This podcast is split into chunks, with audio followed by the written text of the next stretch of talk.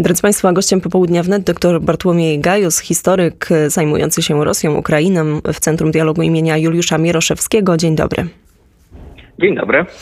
16 lutego rosyjskie służby więzienne podały, że Aleksiej Nawalny, opozycjonista, krytyk Władimira Putina, zmarł w kolonii karnej. Mijają już trzy dni od jego śmierci.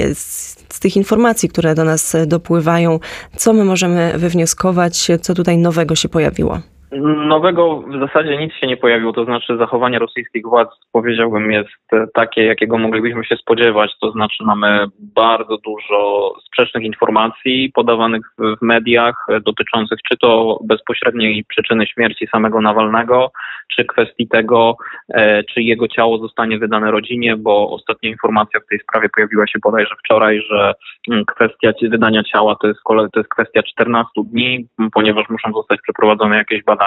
No to wszystko pokazuje, że władze rosyjskie e, starają się po pierwsze zatuszować ewentualną, no bo tutaj oczywiście się domyślamy, nie mamy na to twardych dowodów, ale ewentualną, ewentualną zbrodnię i tego, że Nawalny nie zmarł z przyczyn naturalnych, to znaczy z przyczyn naturalnych oczywiście, które były wynikiem e, samej, samych warunków, w których on przebywał, e, odkąd, e, odkąd trafił do, do rosyjskiego więzienia. No, kluczowe jest po prostu pytanie o to, czy ktoś, mu, czy ktoś mu w tej śmierci pomógł, czy była jakaś bezpośrednia ingerencja, czy, czy też po prostu Nawalny, Nawalny zmarł, ponieważ był wycieńczony, chociaż tę drugą wersję ja raczej podchodzę do niej sceptycznie, zważywszy na to, że dzień przed swoją śmiercią mamy nagranie wideo, kiedy widział się z sędziami i E, Nawalny wyglądał na, e, oczywiście na ile to jest możliwe w tych warunkach, na całkiem zdrowego człowieka. No właśnie, bo tu trzeba e, powiedzieć, że faktycznie jakiś kontakt, oczywiście ekstremalnie ograniczony, ale świat zewnętrzny z Aleksiejem Nawalnym miał przez ten okres jego przebywania w kolonii karnej. Wspomniał pan o rodzinie, no tutaj bardzo aktywna i zresztą krótko po samej informacji o śmierci swojego męża wystąpiła jego żona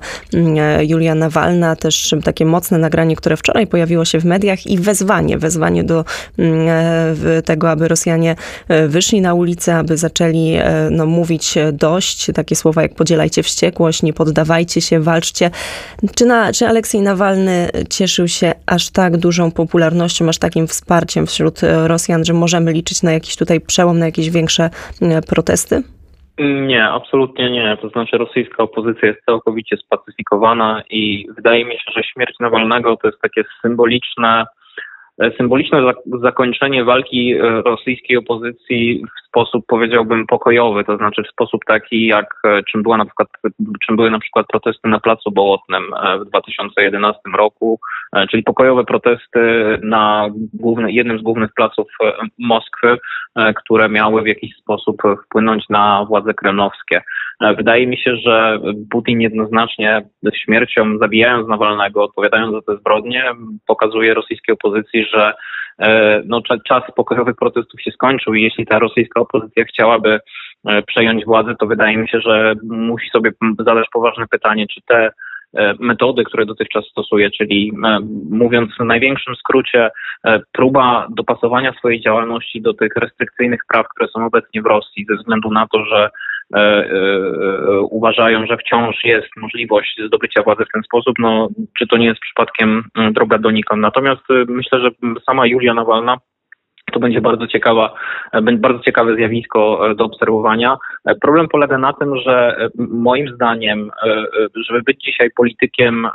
w Rosji, E, który ma szansę rzucić wyzwanie Putinowi, no to trzeba być fizycznie w Rosji. No ale tu automatycznie oczywiście pojawia się pytanie, czy to nie jest zagrożenie dla życia. No i to jest oczywiste, że to jest zagrożenie dla życia, więc e, to jest, e, to jest, to jest, to jest bardzo trudne, bo w, tym momencie rosyjska opozycja, większość jej, która przybywa poza granicami kraju, ma ograniczone możliwości kontaktu, nie, nie, nie, nie, nie czuje tej atmosfery, która jest sama w Rosji i nie jest w stanie prowadzić działalności politycznej w Rosji. I wydaje mi się, że w tym momencie Rosjanie są na tyle spacyfikowani, że absolutnie żadnego oddolnego ruchu nie będzie, co nie znaczy, że na przykład nie zdziwiłbym się, gdyby rosyjskie władze e, suma summarum nie wydały ciała e, Nawalnego rodzinie ze względu na to, że mogą się obawiać powstania jakiegoś miejsca pamięci czy wielkiej manifestacji związanej z pogrzebem samego Nawalnego.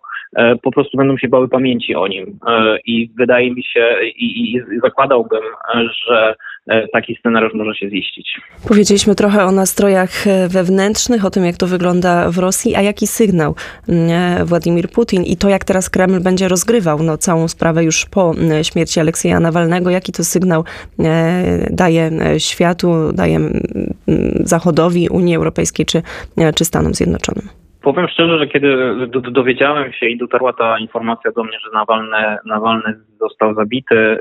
to byłem trochę zdziwiony, bo trochę nie pasowała mi, mm, nie pasował mi, znaczy to, to, że Nawalny w pewnym, w pewnym momencie umrze, to oczywiście myślę, że zakładaliśmy wszyscy, którzy jakoś zajmujemy się Rosją, no bo trudno nam było sobie wyobrazić, że e, Nawalny przetrwa i w jakiś magiczny sposób zdobędzie władzę w Rosji. Natomiast e, ten czas, e, czyli ta data, kiedy, kiedy został zabity, nie pasowała mi ze względu na to, że to był moment, kiedy Rosjanie zaczęli odzyskiwać trochę przestrzeni medialnej w zachodnich, e, w zachodnich e, mediach, przede wszystkim poprzez ten wywiad Putina z Carlsonem. E, I ta ofensywa też powiedziałbym pokojowa i wysyłanie pewnych sygnałów różnymi kanałami dotyczącymi tego, że Rosja jest gotowa się dogadać w kwestii no, jakiegoś zawieszenia broni z Ukrainą, pokazywała mi, e, że znaczy stało mi to całkowicie w sprzeczności właśnie z e, takim zabójstwem samego Nawalnego, co zostało, e, co, co medialnie jest bardzo trudne do obrony przez samych Rosjan. I, mnie się wydaje, ja, to jest oczywiście moja spekulacja, natomiast od dłuższego czasu pojawiały się też informacje o możliwej wymianie Nawalny, Gerszkowicz, który jest dziennikarzem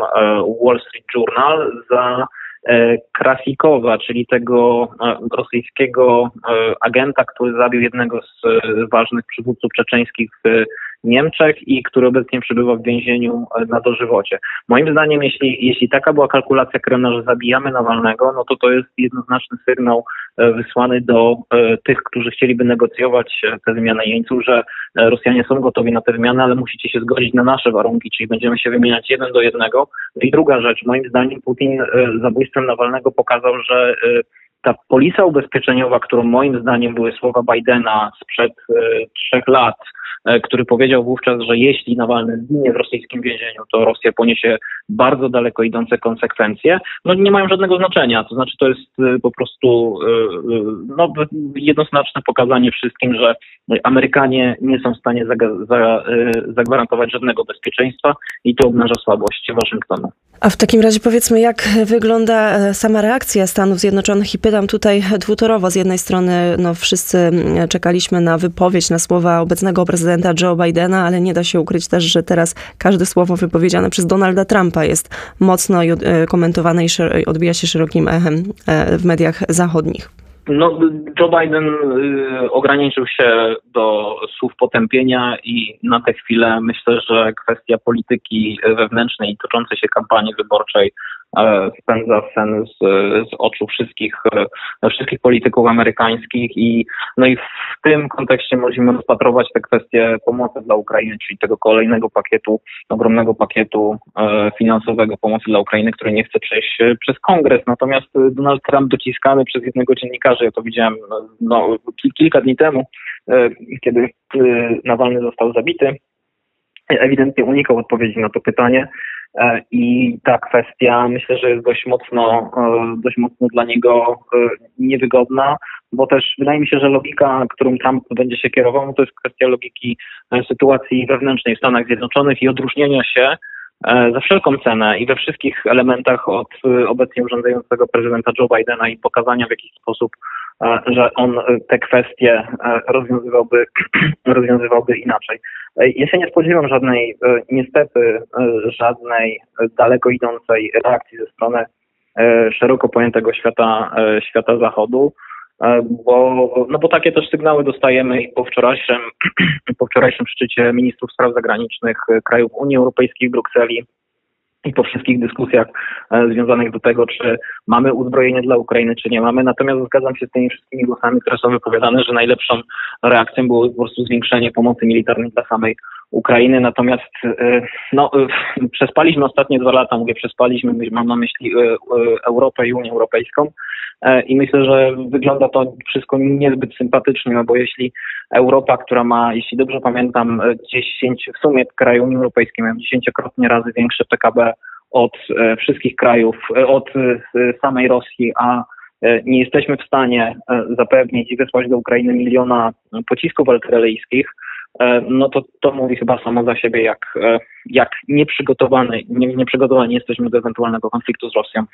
To jeszcze na zakończenie wróćmy na moment do samej Rosji. Przed nami wybory prezydenckie. Można powiedzieć, że, że Kreml zadbał już o to, aby Putin nie miał konkurencji. Ja mm, o tym, e, na ten temat rozmawiałam w ostatnim popołudniu wnet. To też odeślę słuchaczy Radia Wnet, portal wnet.fm i na hasło Rosja znajdziecie Państwo rozmowy dotyczącą, rozmowę dotyczącą ewentualnych kontrkandydatów Władimira Putina i tych, którzy już mm, w wyborach najprawdopodobniej nie, nie, nie, nie wystąpią. Pytanie, na ile Władimir Władimir Putin faktycznie cieszy się poparciem wśród mm, mieszkańców y, Rosji? Czy my możemy spróbować odpowiedzieć w ogóle na takie pytanie z tych informacji, które do nas docierają? E, jak najbardziej, to znaczy e, większość Rosjan, i to pokazują badania opinii publicznej, jest zadowolona z kursu, jakim podąża Rosja, jest zadowolona z rządów Władimira Putina, bo też Putinowi przez ostatnie dwa lata e, trwającej wojny udało się zachować niestety w Rosji poczucie względnej normalności e, i tego dobrobytu, który zdołał e, Putin zaprowadzić i w ciągu ostatnich 24 lat swoich rządów.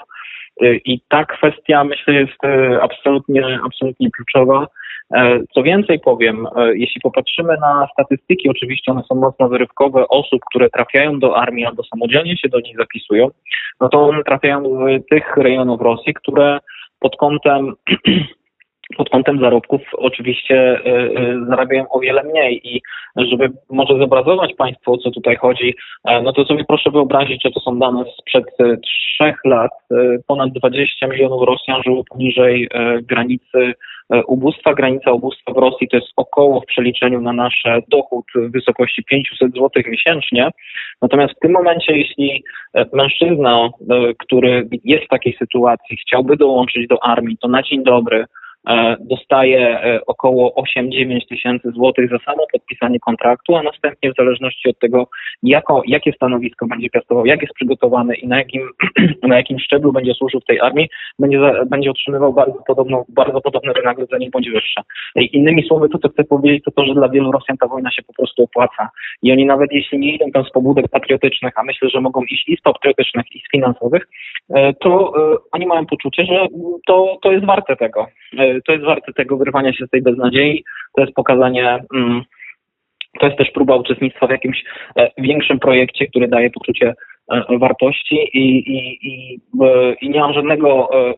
nie mam żadnych wątpliwości, że gdyby gdyby nawet był jakiś kandydat obecnie,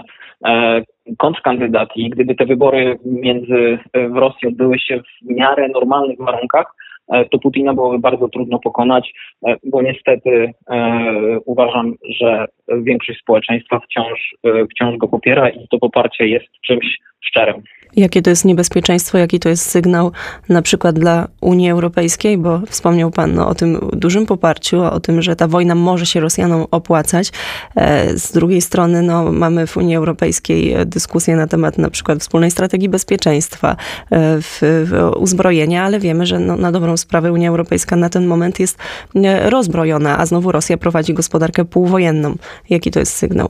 To jest taki sygnał, że będziemy znajdować się w najbliższych 5, 10, 15, 20 latach w stanie konfrontacji z Rosją e, i, i, pod to, i pod taką perspektywę powinniśmy prowadzić naszą politykę w zakresie przede wszystkim w tym momencie obronności, bo to jest kwestia najbardziej paląca, e, czyli rozbudowa tego przemysłu europejskiego, biorąc jeszcze pod uwagę zapowiedzi Donalda Trumpa dwuznaczne dotyczące tego, jak on postrzega rolę NATO, e, jest to tym bardziej e, istotna, istotna kwestia. Myślę, że powinniśmy, to jeszcze cały czas niekiedy można usłyszeć od różnych polityków, że powinniśmy myśleć o architekturze bezpieczeństwa w Europie nie z Rosją, jakąś wyobrażoną, która być może znormal, znormalnieje w najbliższym czasie, bo tak moim zdaniem się nie stanie, tylko przeciwko Rosji. I wychodząc od, od tej tezy, powinniśmy po prostu całkowicie kalibrować pod tę tezę nasze, nasze wszystkie działania, bo ta konfrontacja jest no jest czymś, co, co, co, co, co z umysłów rosyjskich polityków absolutnie nie zniknie, a patrząc na działania rosyjskich władz w kontekście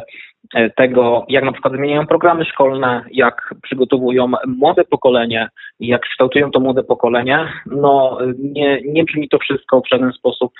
powiedziałbym, uspokajająco i niekiedy można spotkać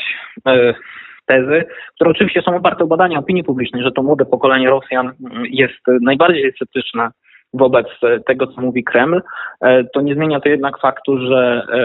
że po pierwsze propaganda skierowana do tego młodego pokolenia jest coraz bardziej silnie intensyfikowana, a po drugie, że to młode pokolenie niestety przysiąka też tymi treściami i osoby nawet, które są w wieku, nie wiem, 20-30 lat i które mają doświadczenie wyjazdu na E, poza granice Rosji do Europy. E, Zależnie od tego pozostają pod wpływem tej, pod wpływem tej, e, pod wpływem tej propagandy i to pokazuje jej siłę. Bardzo serdecznie dziękuję za komentarz. Gościem Radia Wnet dr Bartłomiej Gajos, historyk, analityk specjalizujący się w polityce rosyjskiej, ukraińskiej. Mm, Centrum Dialogu imienia Juliusza Miroszewskiego był gościem popołudnia Wnet. Dziękuję za rozmowę. Dziękuję bardzo.